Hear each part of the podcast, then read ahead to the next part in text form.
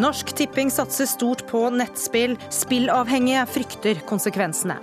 Svenskekongen kommer likevel til grunnlovsfeiringen 17. mai. Helomvendingen har en forklaring, og den får vi høre i Dagsnytt 18. Den siste slankesnakkisen er å faste to dager i uka. Vrøvl, sier kokk og blogger, som mener viljestyrke og trening er eneste løsning.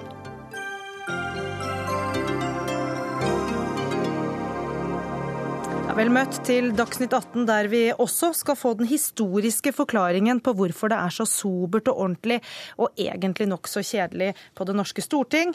Mitt navn er Gry Blekastad Almås, og vi begynner i Sverige. For to svenske reportere er sluppet fri etter halvannen måned i fangenskap i Syria. Niklas Hammarstrøm og Magnus Falkehed, som dro til Syria i november for å dekke borgerkrigen, landet sent i ettermiddag i Stockholm. Og Erik Aasheim, tidligere journalist her i NRK og god venn av Falkeid. Du er i Stockholm og har nettopp møtt de to. Og hvordan har de det? Du, for å si Det aller først, altså det var noen fantastiske gledesscener her når Magnus og Niklas eh, møtte sine familier. Og jeg var sammen med Magnus da, da hans to tvillingdøtre på 16 år kom løpende mot han. Jeg skal si det var tårer her. Og også kona til, til Magnus. Så, så dette, dette, var virkelig fantastisk øyeblikk da, etter at de har sittet 46 eh, dager i, i en mørk kjeller i, eh, i, i Syria. Så i dag har han det bra, men hvordan har han da hatt det i disse 46 dagene? Det har vært eh, en veldig tøff periode.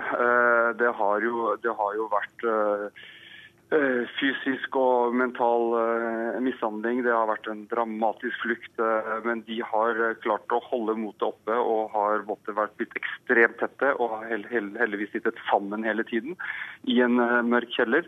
Men, men det har vært dramatisk, og de, de har klart å holde, komme seg gjennom dagene ved å, ved å telle, telle, timer og dager og, og, prøve å skille mellom natt og dag. Men akkurat altså nå er de, altså de er, Jeg var overrasket at de var så de står så i sånn godt humør ut og var så freshe, men jeg tror uh, det er også måte, gleden av, av, å se sine aller nærmeste. Altså. Men du sier det har vært en dramatisk uh, flukt. Hva har skjedd? Nei, jeg har ikke alle detaljer ennå, og, og, nå er det, det er et spørsmål Det er mange grunner til at man ikke kan gå ut, gå ut med alt. Det sitter fremdeles Eh, mange journalister som eh, gisler i, i, i, Syria. Det sitter også en svensk eh, hjelpearbeider. Så det er, det er, nok også en litt engstelse også for å gå, gå, ut nå med for mye detaljer før man har liksom vurdert hva som er lurt å gå ut med. fordi man tenker jo nå også veldig på alle de som fremdeles sitter i, i Syria. Men, men altså, det man kan si, var at flukten, eller ikke flukten, men, men veien ut fra Syria over til Libanon, eh, den, også, den, var også dramatisk. Det var ikke noe sånn eh, vi kommer og henter deg i bil og kjører deg over grensa. Det var mange hinder og, og, og ganske voldsomt. Hvorfor ble de tatt til fange i utgangspunktet? Det, er, det er uklart. Eh, det er utrolig uoversiktlig, hele, hele, denne regionen hvor de satt i. Altså Alle er kriger mot alle. Altså det er, Man vet ikke helt forskjell på hva som er liksom sånne mafialignende kriminelle bander og hva som er opprørsgrupper med et, eh, et politisk motiv. Så, så, så, Men vet de selv hvem de er blitt holdt fanget av? Nei, de er ikke helt sikre på hvem de har blitt holdt uh, uh, fanget av. Men, men uh, det man vet ganske mye, er at det var ikke politiske motiv som lå bak. Men det var ikke, det var ikke politiske motiv som lå bak? Nei. Mm. Det var økonomiske? Det er uklart. Det er, er alt er, det er helt, helt uklart på nåværende tidspunkt. Og vet man noe om hvem som eventuelt har vært involvert i å få dem løslatt? Nei, men man vet jo at svenske myndigheter har jobbet utrolig bra. Altså politi, svensk utenriksdepartement og, og, og svenske ambassaden. Så det har vært en uh, folk sier vel det er litt politihistorie, dette her, og hvordan man har, politiet har jobbet tett sammen med, med avisene her, her, i Sverige. Altså De to avisene som tok ansvar for da hver sin eh, journalist, Dagens Nyheter og Aftonbladet. Så, så, her har det vært jobbet på, på, på mange fronter. altså. Så all ære til svenske myndigheter. Og Nå vet jeg at de ganske snart skal holde en pressekonferanse, men, men hvordan blir de tatt hånd om videre nå? Ja, det, akkurat eh, altså nå, nå, skal vi være sammen. I, nå skal vi, vi er på veien, og derfor går jeg litt rundt her i, i VIP-avdelingen på, Arlanda i, i, Stockholm. For vi, vi, er nå på vei til en pressekonferanse som skal starte litt før tiden etter planen. Uh, og i kveld så, så vi, håper vi vel å feire litt uh, sammen med, med, Magnus. Det var, jeg har vært sammen nå med, med liksom familien hans, hans franske familie og hans svenske familie. Og så er vi en annen kompis her, og så nå håper vi å kanskje drikke litt ordentlig god fransk champagne, selv om den er dyr i, i Stockholm. da ber vi deg om å viderebringe en velkommen hjem-hilsen også fra Dagsnytt 18. Tusen takk skal du ha, Erik Aasheim. Ehm, samtidig med at Hammarstrøm og Falked eh, har sluppet fri i dag, så sitter fortsatt eh, den norsk-palestinske journalisten Mohib al-Nawati i syrisk fangenskap. Eh, etter tre år. Al-Nawatis kone og seks barn bor på Stange i Hedmark. Og Eva Stabel, eh, du er journalist og prosjektleder eller ansvarlig da i Norsk Journalistlags internasjonale arbeid. Og eh, hva gjøres for å få han eh, løslatt, da? Ja, Det har blitt gjort et ganske omfattende arbeid i løpet av de tre årene, men det har jo ikke ført noen vei. Det er tragisk, og det er veldig vanskelige arbeidsforhold. Her er det jo myndighetene som har arrestert eh, Mohib al-Namati. Eh, og de beskylder han for å være spion. Eh, så han har sittet fengslet fra et par måneder før eh, borgerkrigen i Syria begynte. Og selvfølgelig da den eh, startet eh, utviklet seg, krigen, så ble det mye vanskeligere, og den norske ambassaden måtte stenge der. Men norske myndigheter har gjort det de kan, mener jeg. Norsk Journalistlag har gjennom sine internasjonale kontakter det internasjonale journalistforbundet og det palestinske journalistforbundet først og fremst, eh, jobbet for å prøve å finne ut hvor han er, hvorfor han er der, eh, om han er i live, først og fremst. Ja, så ingenting av dette vet man nå? Jo, eh, myndighetene i Damaskus eh, eh, bekreftet for en eh, norsk diplomat uka før jul at de har han. De har fengslet ham, og han skal stilles for retten en gang i framtida, som de ikke vet når. Eh, men de har ikke bekreftet at han er i live. De har bekreftet at de arresterte han eh, i januar i 2011. Mm. Men hvorfor er dette en sak vi har hørt eh, relativt lite om i Norge? En norsk journalist sitter altså i fangenskap i Syria. Kanskje fordi det har vært veldig lite nyheter, fordi det har vært veldig vanskelig å få bekreftet noe. Kanskje fordi han kom til Norge i 2008, ikke har det samme nettverket som vanlige journalister har. At han ikke jobbet som journalist da og jobbet for en redaksjon som, som aksjonerer for ham. Han er frilansjournalist? Eh, han, eh, han, var jo journalist i, da han bodde i Gaza, men han er også forfatter. Så han dro jo eh, dit for å oppdatere den boken, kritiske boken han skrev om Hamas. Mm. Men det sitter jo også eh, noen og tjue andre journalister som vi vet om, eh, som er eh, bortført eller forsvunnet i Syria. Ja, og dagens eh, hjemkomst da, eh, i Sverige, eh, tror du den vil sette fortgang i noen av disse sakene, og Al-Nawatis spesielt? Det vet jeg ikke, men selvfølgelig så gir det håp til familiene som, som sitter og er engstelige, at eh, det går an å løse sånne saker. Tusen takk, Eva Stabel, for at du kom til Dagsnytt 18. Hør Dagsnytt 18 når du vil, på nettradio eller som podkast. nrk.no – dagsnytt 18.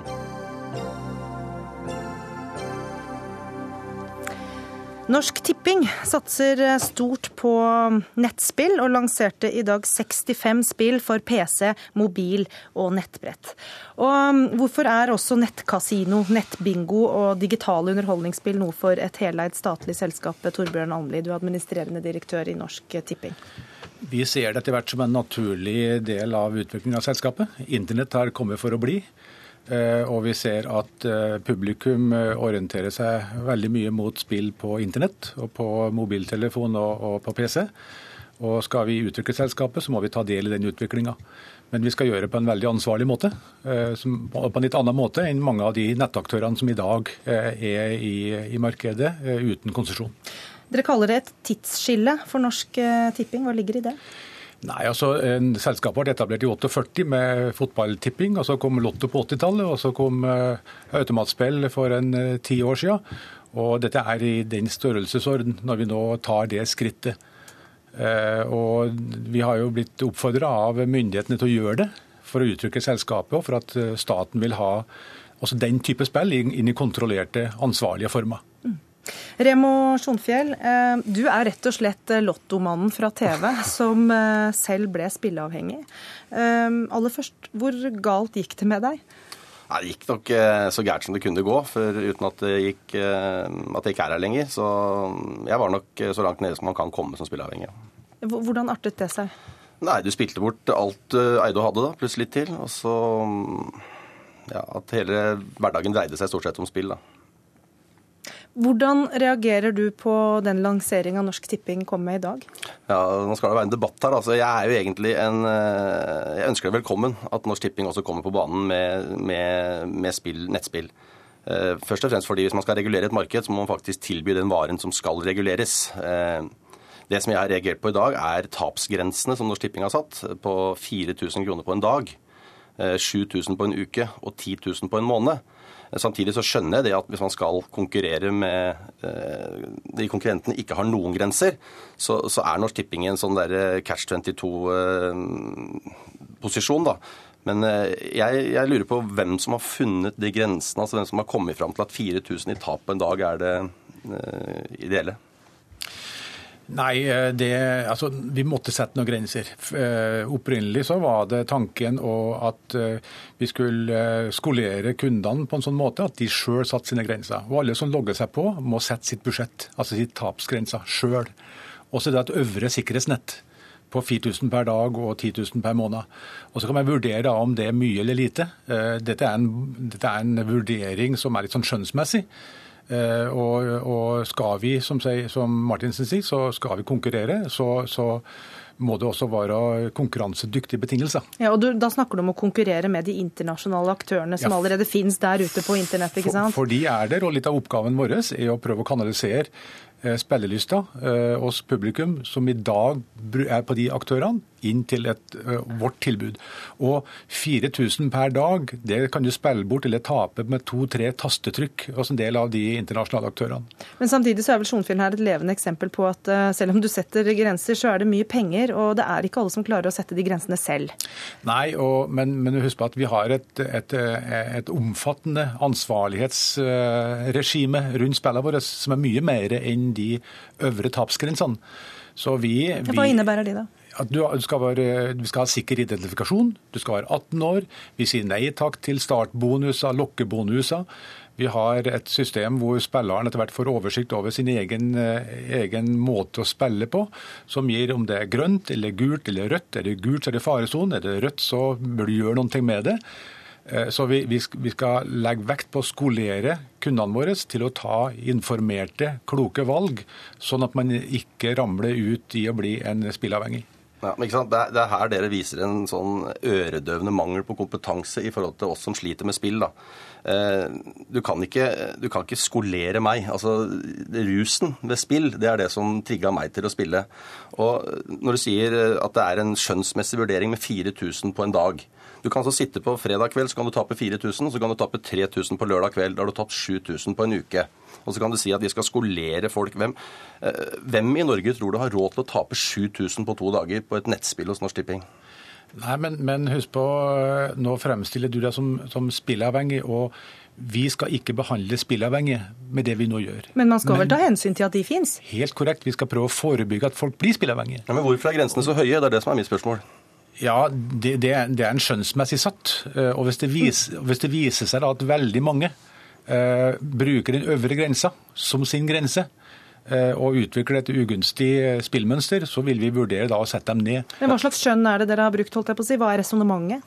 Nei, altså 10 000 per måned. Eh, Hvis du har en lønningspose på 30 000-40 000, eh, så vet vi at det går noe tid før du da er i en skikkelig ulykke. Jo, men hør nå. Altså, da snakker vi bare om, om nettspill. Du har jo masse andre spill i porteføljen til Norsk Tipping òg. Du har Multix, Multix og du har Belago.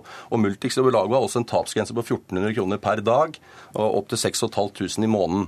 Hvis du legger sammen dette her da, sammen med nettspill, for jeg har jo ganske bra erfaring på dette her, og mange av dem som spiller på nettet, vil også spille på de terminalene som eh, Norsk Tipping har, Multix og Belago. Og hvis du legger sammen dette, så er det et netto tap på 198 000 kroner i året. Og da kan dere snakke om eh, ansvarlighet herfra til himmelen, men eh, jeg sier at du kan ikke bare si halleluja, du må gjøre halleluja. Ja, men vi, vi vil veldig fort oppdage eh, hvor mange som setter sine grenser mye lavere da enn de 4000 per dag og 10 000 per måned. Altså For- det Du for sier at du vil justere, du vil prøve det ut, bruke folk litt som prøvekaniner, og så justere etter Helt korrekt, og det vil vi gjøre som en dynamisk prosess i samspill med Lotteritilsynet og våre myndigheter, som, som egentlig fastsetter spillereglene. Og dette, dette er en del av de fastsatte spillereglene som, som Kulturdepartementet har fastsatt. Og vi, vil, og vi vil nå høste erfaring med det utover her. Skjønner. Men Sjonfjell, er ikke dette tross alt bedre enn alternativet, som da er totalt uregulert? Jo, og det er jeg helt enig i. Men, men eh, det grepet som nå gjøres da med at man kommer på nett, det vil jo være første eh, døråpner på at enerettsmodellen sprekker.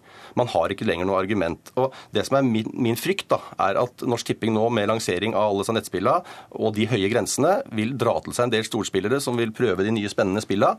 Og når de har spilt grensen sin, så vil de flytte seg over til, mot, til motparten som da ikke har grenser. Jeg tror at det, det fort kan bli en rekrutteringskanal ut til det uregulerte markedet.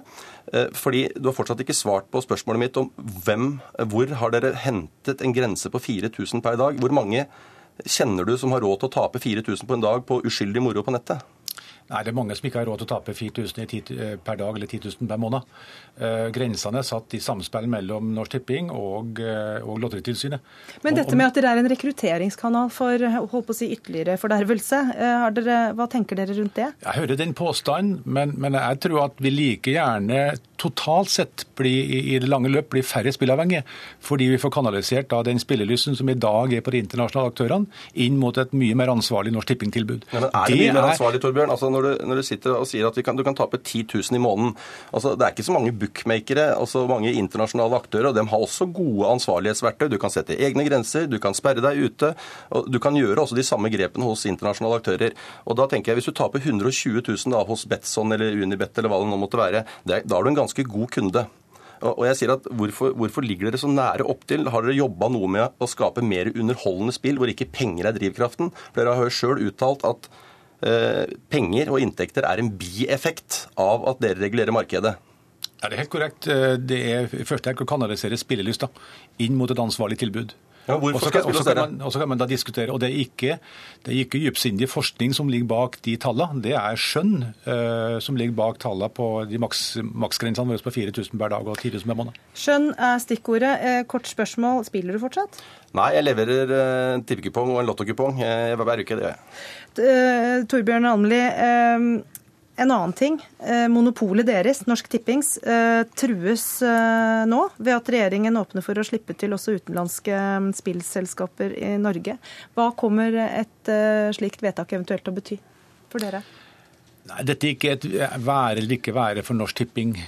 Norsk Tipping har en konkurransekraft og en, en så sterk merkevare at dette handler ikke om Norsk Tipping.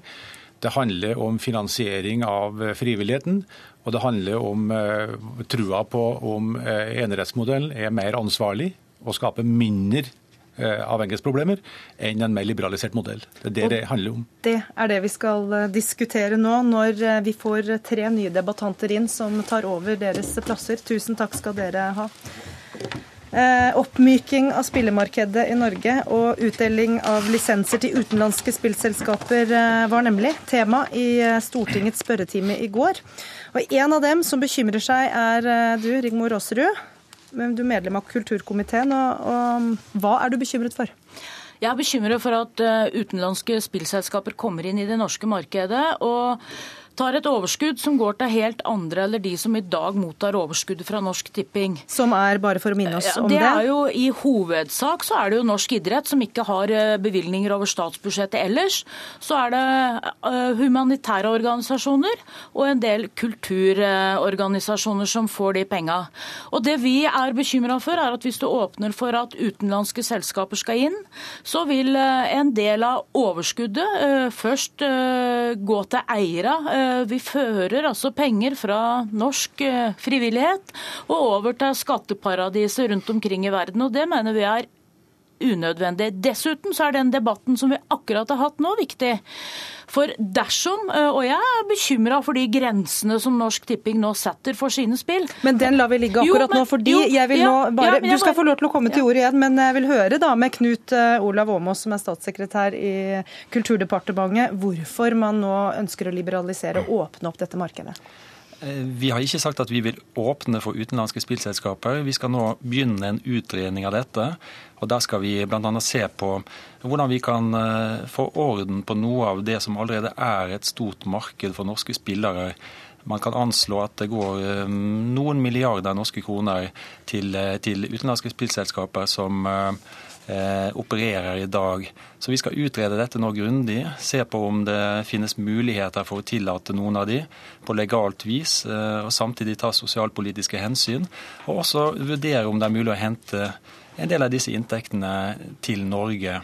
Ja, Hvis konklusjonen da blir at man eh, håper å si, legger ned monopolet og åpner for flere, eh, hvordan skal man da sørge for at eh, inntektene går, eh, kommer Norge eller samfunnet til gode, sånn som det gjør i dag?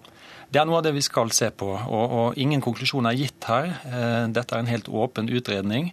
Eh, eh, jo, men du har sikkert noen tanker om hvordan det skal foregå likevel? Ja, nei, Dette må vi, må vi, se på. Vi trenger rett og slett mer kunnskap her. Altså, Vi vet i dag at det er lovlig å spille disse spillene som nordmann, men det er ulovlig å markedsføre de i Norge, og det er ulovlig å, å, å tilby de. Så det kan være et poeng men hva er problemet med ja, Unnskyld. Det kan være et poeng å få noe av dette inn i mer lovlige former. og også se på om noe kan kanaliseres inn i formål eh, som gjelder norsk frivillighet og f.eks. norsk idrett. Dette skal vi nå se på. Det vil ta litt tid, eh, et års tid i alle fall, men eh, dette skal vi se grundig på. Vi trenger rett og slett mer kunnskap. Men jeg bare sliter litt med å få tak i hvorfor dere eh, vil gjøre dette nå. Er det for å se om det er mulighet for å få mer penger inn i norsk frivillighet, eller hva er motivasjonen for å gå inn i denne utredningen? Det er nettopp motivasjonen. om og mulig å få mer penger til eh, gode formål i Norge. Eh, og også å få noe som er i dag eh, til dels illegalt og litt prega av vill vest, og som vi ikke har kontroll over. Altså, vi kan ikke hindre TV-selskaper i utlandet å markedsføre spill inn mot Norge fordi de blir sendt fra utlandet. Så spørsmålet er om vi kan få noe av dette inn i litt mer ordna former, og, og, kanalisere flere av disse midlene rett og slett inn til, til gode formål i dette landet. Temme Ville Vesten er vel et godt formål? Ja, det er veldig bra, men det er jo ikke sånn at om en ting er eh, ulovlig i dag og ikke bra, så bør man eh, legalisere det. Og eh, nå snakker jo Almås litt imot seg sjøl og sin egen statsråd. For det statsråden sa i Stortinget i går, er jo at formålet med det man gjør nå, er å liberalisere norsk spillpolitikk. Og sa, hun sa også i går at Postkodelotteri, som er et lotteri som er eid av et nederlandsk firma, eh, er man klar til å kunne godkjenne. Så her har man eh, ikke tenkt å utrede veldig mye, sånn som vi hørte det i går iallfall. Men det er mulig at Åmås eh, nå kan avkrefte det at man er i ferd med å godkjenne Postkodelotteriet. I Sverige så har det gått Eh, mange titalls millioner kroner til de nederlandske eierne, og det er dette her vi er skeptiske til. Her blander dessverre Rigmor Aasrud inn helt forskjellige ting. Én eh, ting er å gi eventuell lisens til utenlandske spillselskaper som opererer mot Norge. Eh, Postkodelotteriet vil være en organisasjon basert i Norge og med norske eiere. Og Det er en litt annen sak. Det er et lotteri basert på norsk jord. Det er en sak vi holder på å jobbe med nå, og vi kommer med en konklusjon om ikke altfor lenge. og og her vil det være snakk om å, generere betydelige overskudd til, til sosiale og humanitære formål. Eh, ellers er det mindre interessant. og Postkodelotteriet er for øvrig verdens tredje største filantropiske organisasjon, med Bill Clinton som en av frontfigurene. Så de virker relativt seriøse. Men heller ikke her har vi trukket noen konklusjon ennå. Og jeg er helt på linje med min egen statsråd selvfølgelig her. Det er Aasrud som eh, roter nå. Ja, Vi skal bare få lov til å trekke inn vår tredje debattant her, nemlig fotballpresident Yngve Hallén. Du er her for å representere hele Idretts-Norge eh, i dag. Ehm, er du òg bekymra? Jeg er bekymra, men eh, samtidig så har vi respekt i idretten. At eh, når det kommer en ny regjering, så vil de drøfte ulike problemstillinger, kanskje se på andre politiske løsninger. Men det som har vært regelen hele veien, det hadde vært en dialog rundt dette. Og Jeg virkelig håper at det er ett år som skal nå utrede, så får også idretten få lov å komme inn med sine innspill i løpet av det året.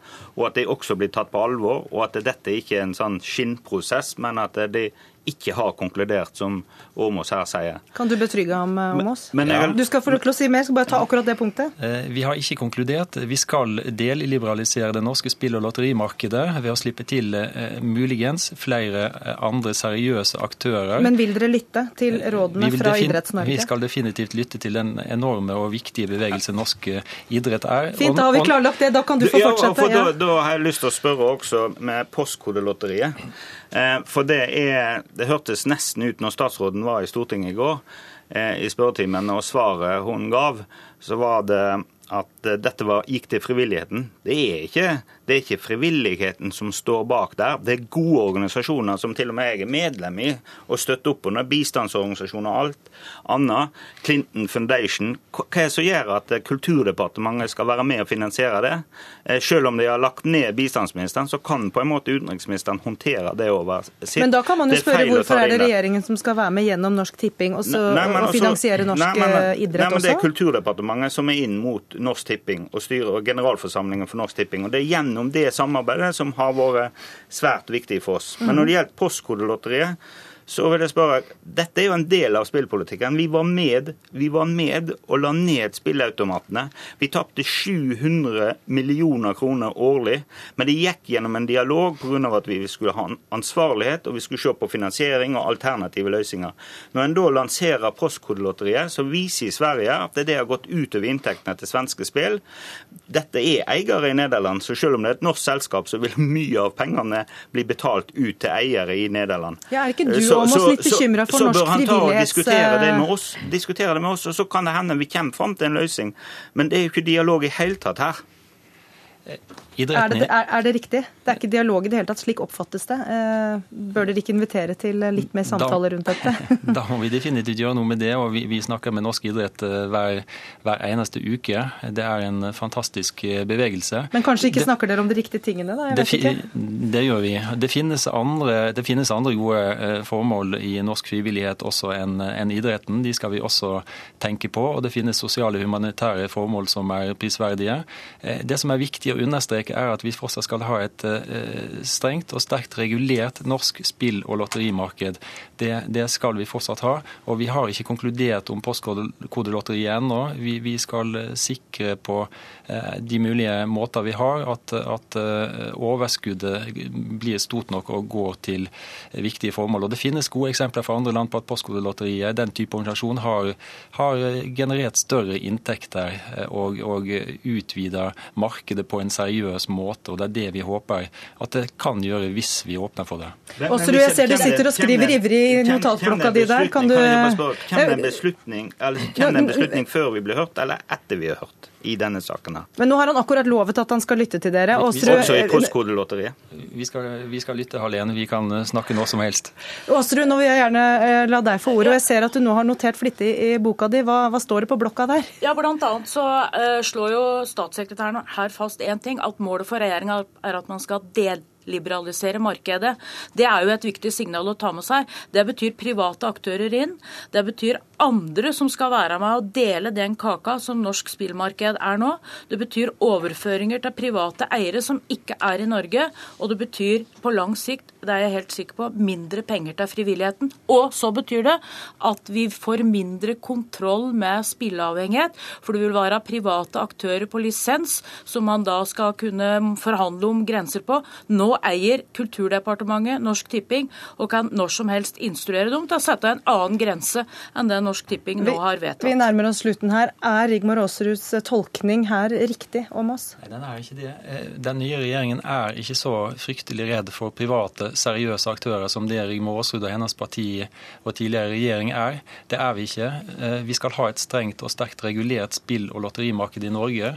Og, og vi tror at til og med at eh, Norsk Tipping, som den fantastiske institusjonen det er, og som eh, vi eier, eh, kan ha godt av å, å bli skjerpa av konkurranse. Og Nordmenn er et svært spilleglad folk. Det er snakk om 22 milliarder i spill i året. Det er en kjempestor kake. Eh, muligens kan den bli enda litt større, og, og, seriøse aktører kan gjøre dette markedet enda bedre. Vi må runde av. Du har bedt om siste ord, og det må være kort. Ja, vi, vi oppfordrer regjeringen å være mer opptatt av eh, penger som går til Dalsbygda og Stryn enn Cayman Island og Malta eh, og de private interessene. Da sier vi takk til Yngve Harlén fra Norges idrettsforbund og Rigmor Aasrud. Og Åmås, du kan bli sittende hvis du kan være med oss inn, nemlig i neste debatt.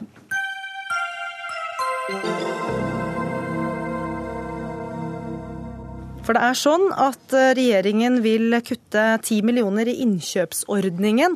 Det er altså den som gjør det mulig for bibliotekene å mm, også tilby smalere litteratur, bl.a. Og hvorfor er dere forfattere bekymret for det, Sigmund Løvaasen? Du er leder av Forfatterforeningen. Uh, innkjøpsordningen har vært en uh, suksesshistorie helt fra den ble innført i 1965. Uh, da antall utgivelser av norske bøker gikk ned over noen år. Så innførte de innkjøpsordningen. Og den er genial på den måten at eh, den eh, gir eh, mange bøker ut til alle norske bibliotek rundt om i enhver kommune. Kulturrådet kjøper inn skjønnlitteratur for voksne, skjønnlitteratur for barn, sakprosa, tegneserier med mere, og fordeler det ut over hele landet til gode for leserne. ute.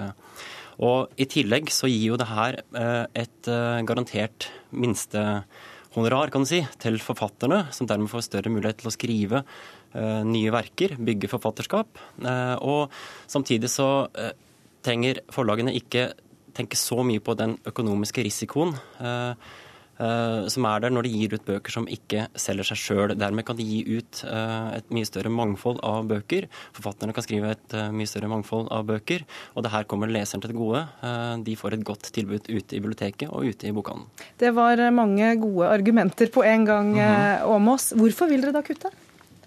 Vi har lagt et lite kutt eh, på flere områder i Kulturrådet. Kulturrådet har selv eh, vært fri til å eh, gjøre fordelinger mellom områdene. De, de holder fast ved et, et lite kutt på innkjøpsordningene for litteratur. Det er både skjønnlitteratur og, og sakprosa. Jeg tror at vi har et så stort volum å gå på at vi kan prioritere litt sterkere. Og vi kan se på disse ordningene. Helt enig i at vi har en kjempegod litteraturpolitikk på mange måter i Norge, men den må utvikles, den må fortløpende moderniseres. Innkjøpsordningene har eksistert siden 1965, eh, mer eller mindre uendra, noen få justeringer. Eh, F.eks. så er det ikke tatt tilstrekkelig høyde for e-bokutviklingen. Og det blir kjøpt inn mellom 1000 og 1500 eksemplarer av hver nye bok. Kanskje kan vi, eh, altså Det er atskillig flere enn det finnes bibliotekfilialer i Norge i dag. Det er ca. 700 av de. Eh, kanskje må vi se litt på hvordan vi kan gjøre denne ordningen enda mer målretta. Men du sier altså både prioriteringer her, og så sier du moderniseringer her. Hva skal prioriteres bort? Det skal ikke en regjering gjøre. Eh, og det skal Kulturrådet som kunst- og kulturfaglig organ gjøre sjøl. Eh, men eh, innkjøpsordningene har økt jevnt og trutt. Bokbransjen har lagt eh, veldig stort press på ordningene. Antallet bøker som de har meldt inn til disse ordningene har økt veldig sterkt. Kanskje finnes det en grense også for veldig gode ordninger for hva slags volum vi kan ha. Også når det gjelder produksjon av norsk film. Kanskje finnes det et punkt der man skal venne seg til kvali la, la til, kvalitet og prioritering i stedet for. La oss holde det til litteraturen nå. Jo, men det er samme prinsipp. Løvåsen, eh, er det ikke forståelse for at et sted må det ta slutt? Uh, regjeringen kan jo ikke finansiere enhver bok man ønsker å utgi. Forfatterorganisasjonene, forleggerne, uh, bibliotekene Kulturrådet er alle med på å gå gjennom de her ordningene. Vi har allerede begynt å se på det her på egen hånd for lenge siden. Og Åmås sier jo da, når han skriver om det her, at han er veldig opptatt av en dialog med alle berørte parter før, eh, før, de skal legge en ny litteraturpolitikk. Men her er det tatt altså, et kutt på 10 millioner kroner før de har snakka med oss. De har ikke snakka med oss. Jeg vet ikke om de har snakka med Kulturrådet om det før de kutta. Tviler på de har snakka så mye med leserne, i tilfelle ikke så mye om eh, kuttet i innkjøpsordningen. Ja, du skriver jo om oss at det er leserne som er viktigst. Har du oversett eh, forfatterne helt? Nei, vi har ikke det. Men Løvåsen vet eh, veldig godt om alle de debattene som går om at eh, det ikke er all litteratur i Norge som utgis eh, som kanskje burde vært utgitt. Det går an å prioritere. Kulturrådet har et budsjett samla sett på 1,2 milliarder kroner. Det, det, gir litt å spille på. Men blir det ikke da sånn at de forfatterne som allerede blir lest av mange, er det som blir prioritert? Og så er det de smale, kanskje lyrikken, ting som man ellers ikke kommer over, da, som også blir ofra på dette sølvfatet? Det tror jeg ikke det er noen fare for i Kulturrådet sine faglig sterke utvalg. Eh, derimot så kan man stille spørsmål ved, som, som jeg vet at både bokbransjen og Kulturrådet gjør selv, ved om eh, ganske mange av de innkjøpte bøkene eh, eh, skal være krim, f.eks., som, som er ganske kommersiell litteratur, som er eh, økonomisk relativt bærekraftig. Så det er de du vil anbefale å ta vekk? Nei, jeg vil ikke anbefale noen ting. Jeg stiller bare et spørsmål og tenker litt høyt for å prøve å illustrere muligheter for nytenkning. Og dette er ikke vår tenkning heller, dette blir tenkt i bransjen og i Kulturrådet også. Ja, Hva tenker du? Åmås bedriver jo ansvarsfraskrivelse på høyt nivå når han ikke ta ansvar for de kuttene han har gjort. Eh, det er kutta i den potten som går til innkjøpsordningen, og det får konsekvenser eh, for leserne for hva som skapes av litteratur. Vil han ha en selektiv ordning, altså at det er et færre antall titler som skal, skal, kjøpes inn, så krever det et mye større byråkrati. Mer penger til byråkrati i Kulturrådet for å velge ut hvilke bøker som skal kjøpes inn. Mindre til de som skaper bøkene. Det skapes færre bøker, mindre penger til å, å spre bøker ut til leserne, ut til folket. Det mener vi er helt feil. og regjeringen sier jo at i sin regjeringsplattform de vil lage en litteraturpolitikk som tar særlig hensyn til leserne og bygging av nye forfatterskap. Eh, innkjøpsordningen er nettopp det. Nå Åmås eh, sitt svar på det er da å kutte 10 millioner, og det ansvaret det ligger i departementet. Det er de som har gjort det kuttet. Eh, hadde, vært, hadde Kulturrådet prioritert om og fylte fylt opp eh, innkjøpsordningspotten fra et annet felt, og de, hadde, de på det feltet hadde klaga, så hadde sagt akkurat det samme. De hadde sagt at det her er overlatt til Kulturrådet, de kan sjonglere med de pengene som de vil. Eh, det, det er ansvarsforskrivelse, og det, det kan du ikke komme fra. Nei da, det er ingen ansvarsavskrivelse. Vi, vi, tar ansvar for de eh, svært beskjedne omprioriteringer av kutt vi har gjort på tidenes største norske kulturbudsjett, som vi er ganske stolt av. Men eh, vi, vi, må kunne se på eh, virkemidlene her, og, og, vi må kunne erkjenne samtidig at vi har kanskje verdens mest privilegerte litterære system. Det er ingen grunn til å svartmale eller krisemaksimere eller, eller frykte for framtida for norsk litteratur. Norske forlag er relativt solide økonomisk. De kan utgi nøyaktig de bøker de vil men de kan ikke forvente at eh, alt skal bli støtta av staten. Vi har eh, momsfritak for bøker, men eh, alt kan ikke bli kjøpt inn. Og, og, og vi, må, vi, må, ikke bare fokusere på volum, men også på prioriteringer og, og konsentrasjon og velge noen virkemidler. Det er så enkelt. Nå har vi ikke momsfritak på bøker lenger, i og med at det er moms på e-bøker. Eh, men altså, i, hvis det her blir et kutt, eh, hvis det kuttes i antall innkjøpte eksemplarer av hver bok, så går det utover forfatternes inntekter og mulighet til å skape nye bøker og skape hele det mangfoldet som leserne blir tilbudt ute i, ute i biblioteket. Forfatternes økonomi er pressa på mange områder. Nye digitale veier til leserne. Det er, det er forventning om at det skal være lavere priser. Abonnementsordningene som sikrer at bøkene går ut i bokhandelen de går ned. Eh, altså mindre eh, opplag, mindre til forfatterne, eh, mindre penger å skape ny litteratur for. Hvis forlagene får mindre gjennom innkjøpsordningen for å gi ut bøkene, så må de i mye større grad vurdere den økonomiske risikoen som uh, ligger i å gi ut bøker som ikke selger seg sjøl, altså det store mangfoldet som uh, vi, vi, alle snakker om. Og da, det, det vil, vil, etter hvert påvirke forlagenes utgivelsespolitikk. og forfattere vil møte stengte dører. Og Da skal vi gi statssekretær Knut Olav Åmås det siste ordet, og det skal handle om bekymring eventuelt for at mangfoldet forsvinner? Jeg er overhodet ikke bekymret for det. Det blir utgitt eh, over 7000 bøker i Norge hvert år. Takk skal dere ha, begge to.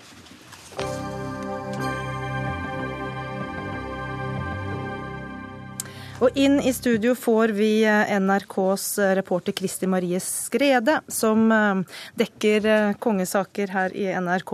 Fordi det svenske kongeparet, kong Carl Gustav og dronning Silvia, kommer likevel til Norge på 17. mai for å delta i feiringen av grunnlovsjubileet. Og hva skyldes denne snuoperasjonen? Ja, de har fått det de kaller komplementerende informasjon om arrangementet.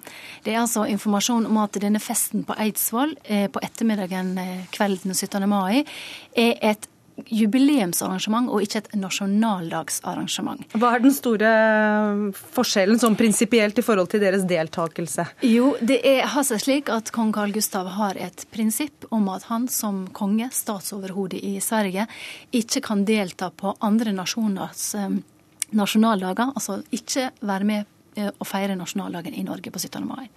Derfor så, så, han seg nødt til å takke nei til invitasjonen eh, når han fikk den.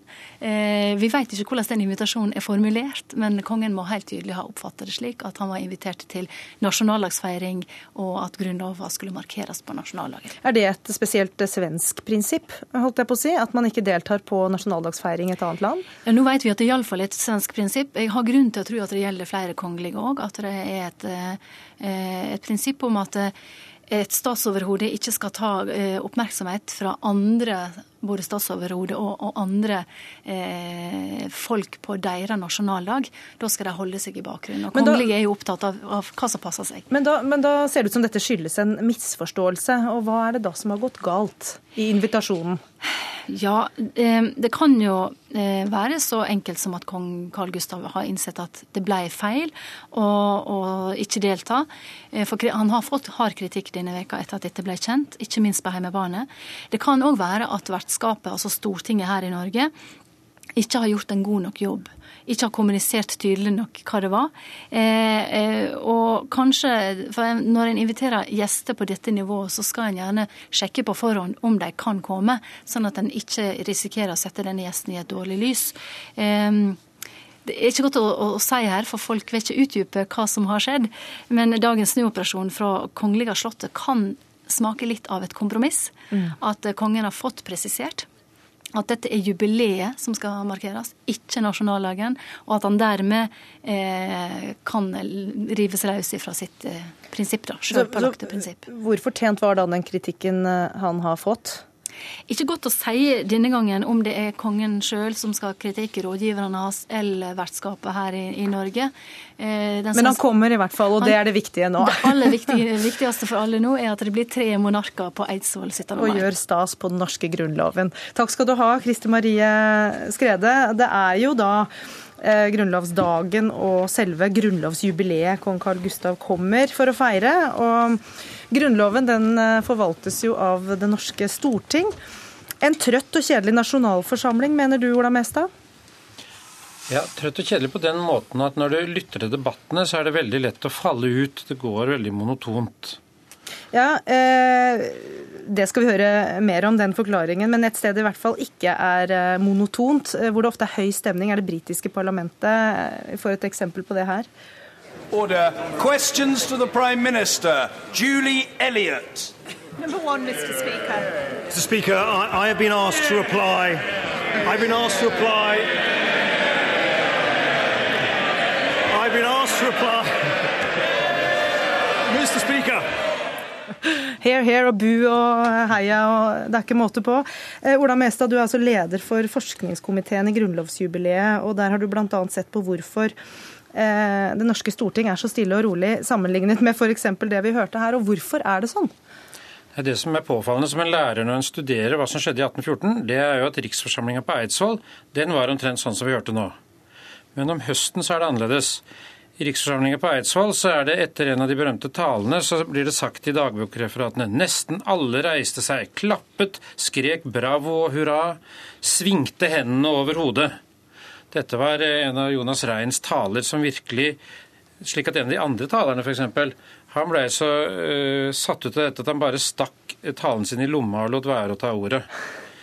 Og uh, dette her var egentlig stilen om våren.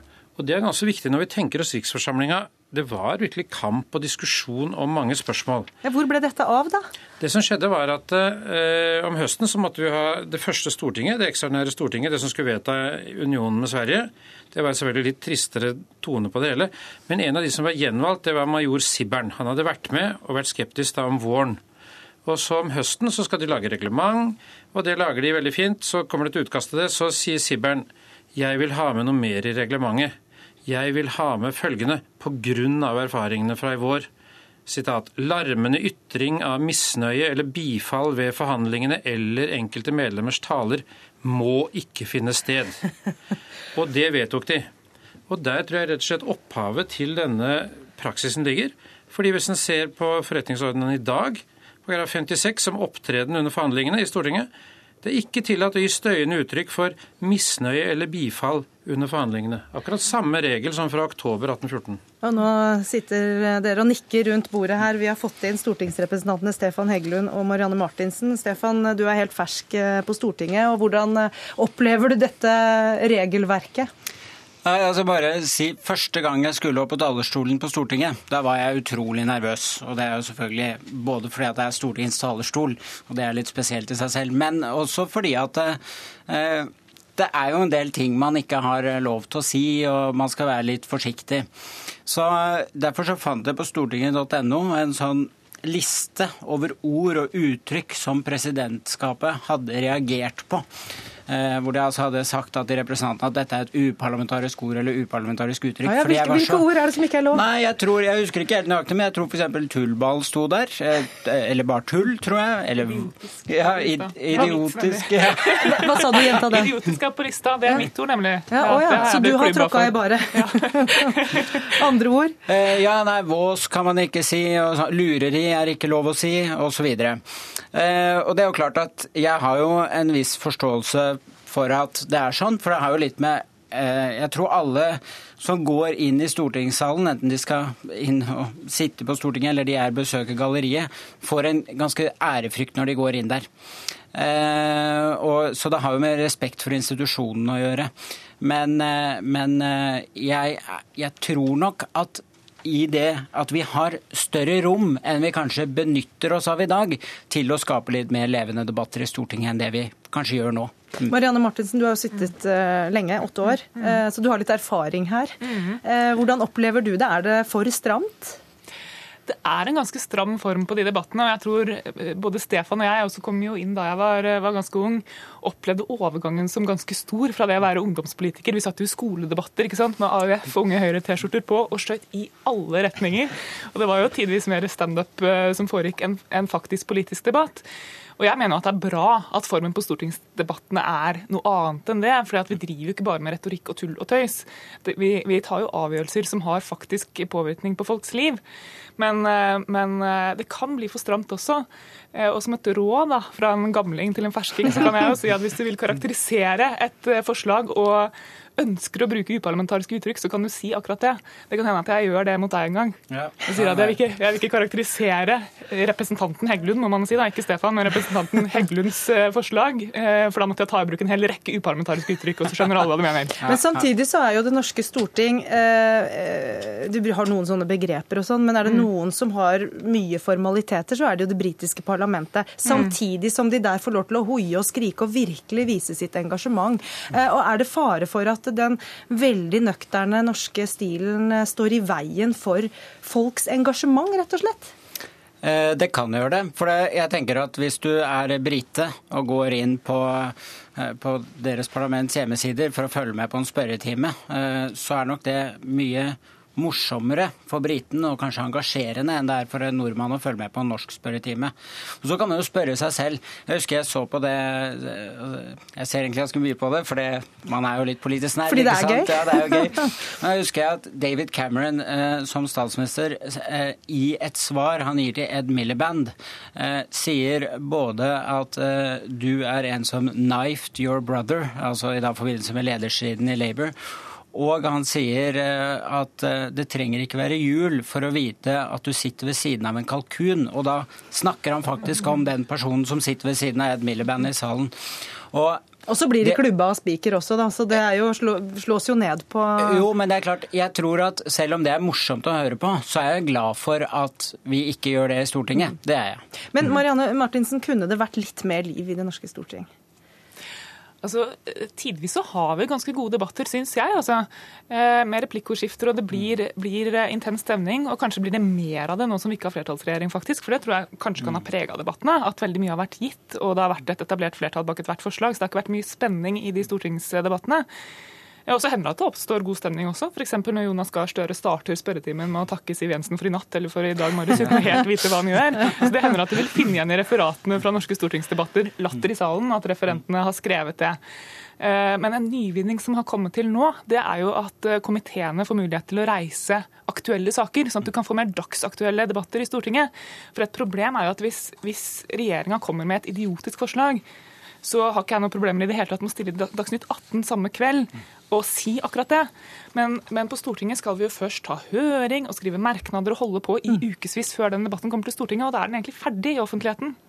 Veldig betryggende å høre at det også er humør og humor, kanskje, på Stortinget. Ola Mestad, eh, tror du det ble gjort en bjørnetjeneste eh, den gang dette vedtaket om å dempe gemyttene og ikke få veiving osv. ble gjort? Jeg har egentlig tenkt at de gjorde det, men dette vet jo med eh, samtalepartene er bedre. For jeg tenker at det er litt trist å få såpass lite respons på talene sine som det ser ut som dere får. Ville ikke vært litt flottere hvis det var litt klapping, eh, buing er litt tristere selvfølgelig. Men hva tenker dere? Så klapping, det må jeg si at det, det, ble jeg veldig overrasket, for jeg fulgte litt med på budsjettdebatten i Sverige. Og da plutselig så var det en som fikk applaus. Jeg ante ikke at de hadde lov til å klappe, eh, men det har de altså lov til. Det kunne vi kanskje, syns jeg kanskje vi kunne gjort, uten at vi trenger å begynne med buing. Men kan vi ikke vedta det, da? At vi tillater klapping, men ikke buing? Tusen takk skal dere ha, Marianne Martinsen, eh, Ola Mestad eh, og Stefan Heggelund.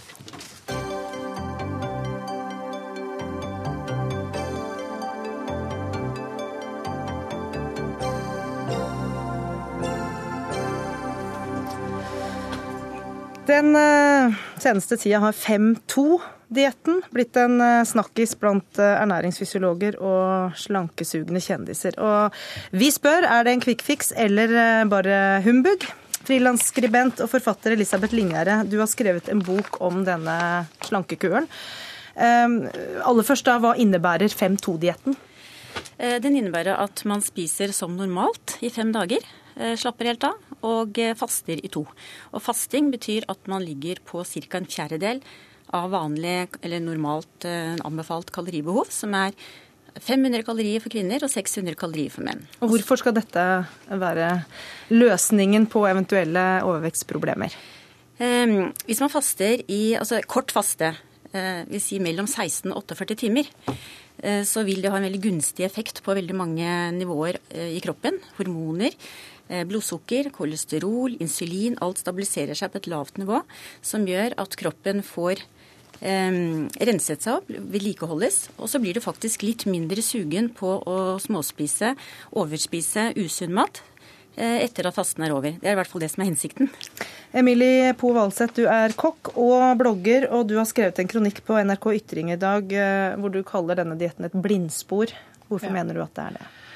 Øh, jeg mener, det er det. Øh, fordi hvis først at man har problemer med mat, øh, hvis du er overvektig, tykk og, og har da ofte gjerne problemer med mat, så tror jeg ikke, at det er noen løsning å ikke spise i to dager.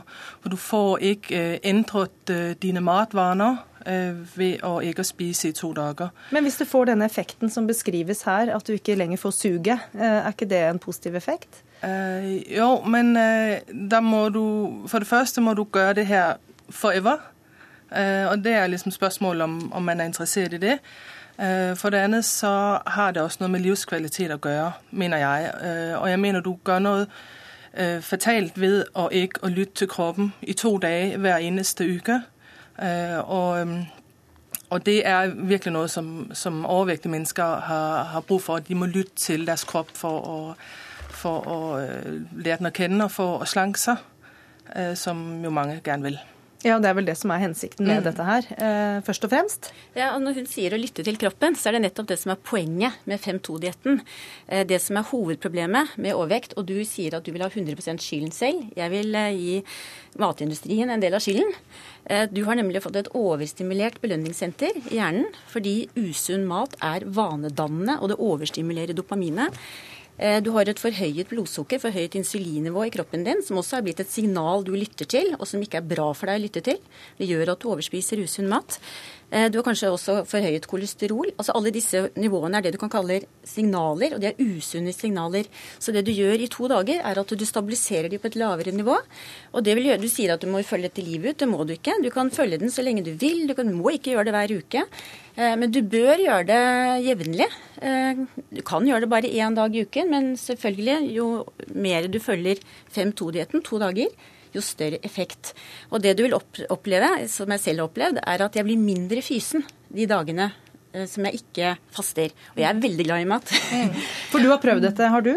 Eh, nei, det har jeg ikke. Det ikke. Men mitt poeng er litt at øh, det er så mange dietter, og 5-2 er en av dem. Og grunnen til at jeg trekker frem 5-2, det er fordi at du har to dager hvor du ikke spiser og på den måten ikke lytter til kroppen. Øh, men er du tykk, så tror jeg ikke at der er noen såkalt diett som, som kan løse det. Du må, du må, jobbe på en helt annen måte. Du må gå inn og se på følelsene øh, og jobbe med alt det som ligger bak. Øh, hele dine sår. Få litt hjelp fra terapeuter og andre som, som kan gå inn og hjelpe deg.